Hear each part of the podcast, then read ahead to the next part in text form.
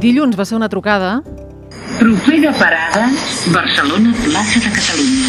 Dimarts, uns cables a una paperera. En tots dos casos, una falsa alarma de bomba va obligar a desallotjar plaça Catalunya, amb l'afectació ferroviària que això comporta i l'ensurt pels qui es trobaven en aquell moment a l'estació. Quants avisos de bomba rep cada any la policia catalana? Com s'actua en aquests casos? I què li passa a l'autor del fals avici l'enxampen. En parlem avui amb el periodista de l'Ara Cesc Maideu i escoltarem també a l'inspector dels Mossos David Ruiz, que és coordinador de Seguretat Ciutadana de Barcelona. Soc la Carla Torró i avui a l'Ara, falsos avisos, falses bombes. Cesc Maideu, periodista de l'Ara, què tal? Molt bon dia. Bon dia. A veure, què va passar ahir a plaça Catalunya? Doncs cap a mitja tarda, una, un vigilant de seguretat de la pròpia estació es va apropar a una paperera perquè va sentir que alguna cosa vibrava. També sentia com el so de, de les agulles del rellotge i a, a dins de la paperera va veure com uns cables que sortien. Davant d'aquesta situació, que evidentment és alarmant, doncs es va posar en contacte amb la policia i ràpidament va començar tot el protocol en aquests casos que és desallotjar i després els Mossos hi van amb les seves unitats especialitzades, que són els TEDx i la unitat canina.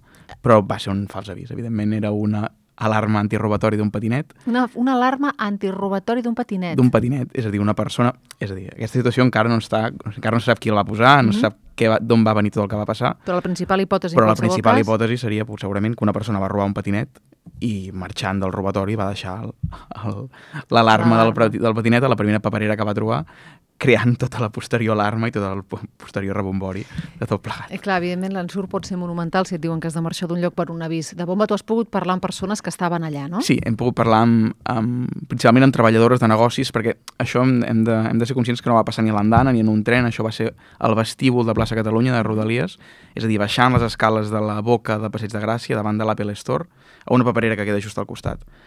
Per tant, en aquest cas, les persones que treballen en aquest vestíbul ho van veure en primera persona i descriuen el caos i, i, i els moments de nerviosisme que hi van haver.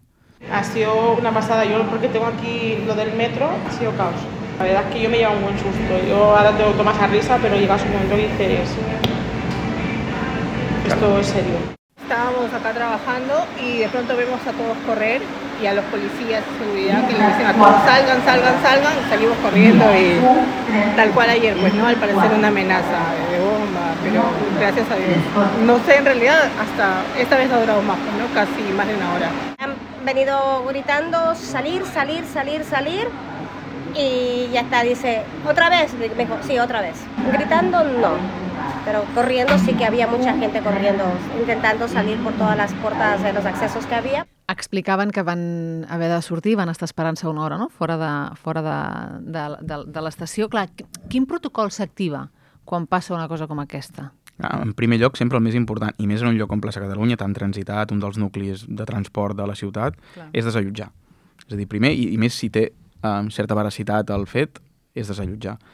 Després s'activa tot un protocol intern de Mossos, que és que allà no s'hi pot acostar ningú que no sigui especialista. És a dir, més quan parlem d'un artefacte que podria ser explosiu, uns cables, és a dir... O sigui, només hi poden anar els TEDx. A, allà, i en, en aquest cas primer hi van anar a la unitat canina, Val. que és que els gossos ja tenen, estan eh, entrenats de tal manera de que ja poden seguir amb olfacte, amb diversos elements, um, seguir el circuit d'un possible artefacte explosiu i això amb, amb la unitat canina ja va donar negatiu en un principi. Després, però, igualment els TEDx, amb una mena de robot que a distància controlen, el robot es va acostar, hi ha una fotografia que vull il·lustrar, el robot es va acostar cap a la paperera i també la va observar, va analitzar-la i també va veure de seguida que jo no era cap artefacte explosiu i era tot un, un ensurt. Es va desallotjar no només l'estació, sinó també tota la part del... Clar. En, en superfície. Clar, en aquest cas també és, és, és, és, és important el fet de que la gent que hi havia dalt potser també corria perill. És a dir, això estem parlant del vestíbul, que directament només unes escales donen a la superfície, hi ha molt poca distància, i potser si passés a les andanes no caldria tenir compte amb què, què passa dalt, però en aquest cas es va fer tot un cordó que precisament el cordó policial coincidia amb el vestíbul que hi ha a la part de sota.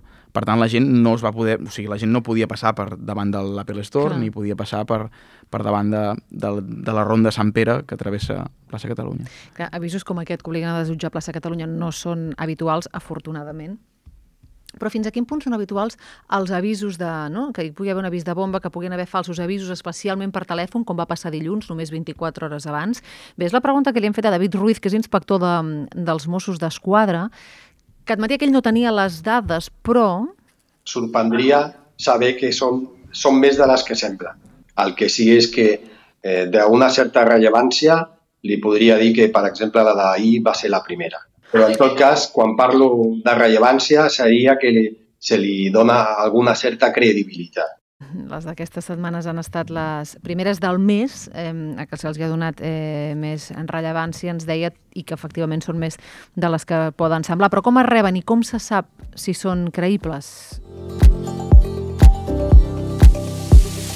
Com es reben les amenaces? Una amenaça normalment es rep eh, de dues maneres, de forma directa, que seria a través del 112, o de, o de manera indirecta. Si la trucada entra directament a través del 112, doncs eh, diguéssim que aquesta trucada ja la rebem nosaltres d'una manera que podem fer una, una valoració més, més directa. En canvi, si aquesta trucada es rep a través d'un mitjà de comunicació, d'un servei públic, d'una empresa, centre comercial o a través d'un particular, aquesta trucada s'ha de derivar de, de nou cap al 112. La gran pregunta, com se sap si són creïbles? Nosaltres tenim especialistes que el que fan és valorar eh, com es fa la trucada, què es diu, com es diu i quins són eh, els elements amenaçats. La gran majoria de casos, com escoltàveu, es reben a través de la gran majoria de la gran majoria de trucades, com escoltàveu, es reben a través del 112. Això té un avantatge evident, que és que la trucada queda enregistrada i, per tant, és molt més fàcil poder-la analitzar després. En funció del que diuen, de com ho manifesten, simplement el fet de ja trucar a un particular o directament a una empresa o a un centre comercial ja ens dona indicis de la seva possible credibilitat o no.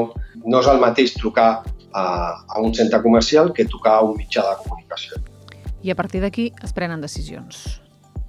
Tot això es fa sota una valoració prèvia del lloc on, on som. Mm -hmm. No és el mateix una amenaça en un, en un lloc obert, en un espai públic, a, en un poble, o fer-ho en una ciutat, en un metro, en un institut, en un centre comercial. I explicava també l'inspector que no és el mateix l'avaluació de cap amenaça estant o no en funció de quin és el nivell d'alerta terrorista.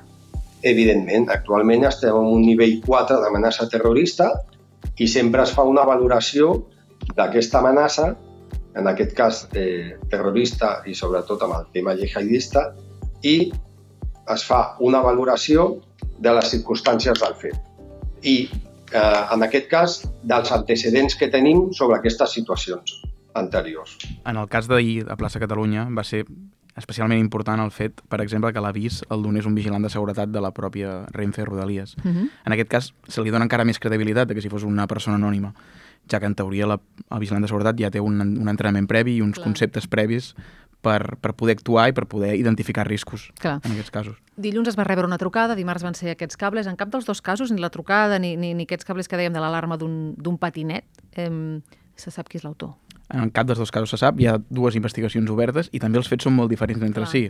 Per exemple, en el cas del patinet, segurament no hi havia una intencionalitat darrere, és a dir, segurament mm -hmm. la persona no va fer mala fe. No, no va pensar que, hi hauria, que la gent hauria... pensaria que allò podia ser una bomba. Però en el cas de la trucada sí, és a dir, mm -hmm. en el cas de la trucada és un fals avís fet expressament.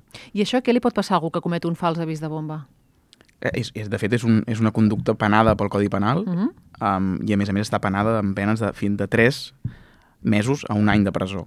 És a dir, són conductes bàsicament això, que alteren greument l'ordre públic i mm -hmm. que poden, o sigui, que avisen falsament de que podria estar en risc la, doncs això, la integritat de les persones que estan en un lloc públic, en un lloc concorregut, etc.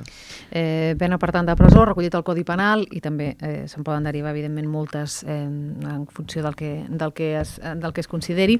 L'inspector ens va explicar també... És un clàssic que en les èpoques, sobretot d'exàmens, doncs eh, els instituts rebin amenaces de, de col·locació d'un artefacte explosiu. Simplement Sempre... per, per desallotjar-lo i que, no, i que els, els nois no facin l'examen que això és relativament habitual. Les trucades de falses bombes que reben en aquest cas per part d'instituts, la veritat és que si fas una cerca ràpida amb els buscadors eh, és de les primeres coses que t'apareixen, eh, fals avís de bomba per una trucada que s'ha acabat localitzant, que era una persona eh, doncs això, que estudiava en un centre de secundària. Insistim que és un delicte que recull el Codi Penal i que té la seva pena corresponent. Afortunadament, només tot en surts. Cesc Maideu, gràcies. Moltes gràcies. Marc Moliner, a la tècnica, Alba, a la producció. Jo sóc la Carla Torró, això és Avui a l'Ara. Gràcies per ser a l'altra banda.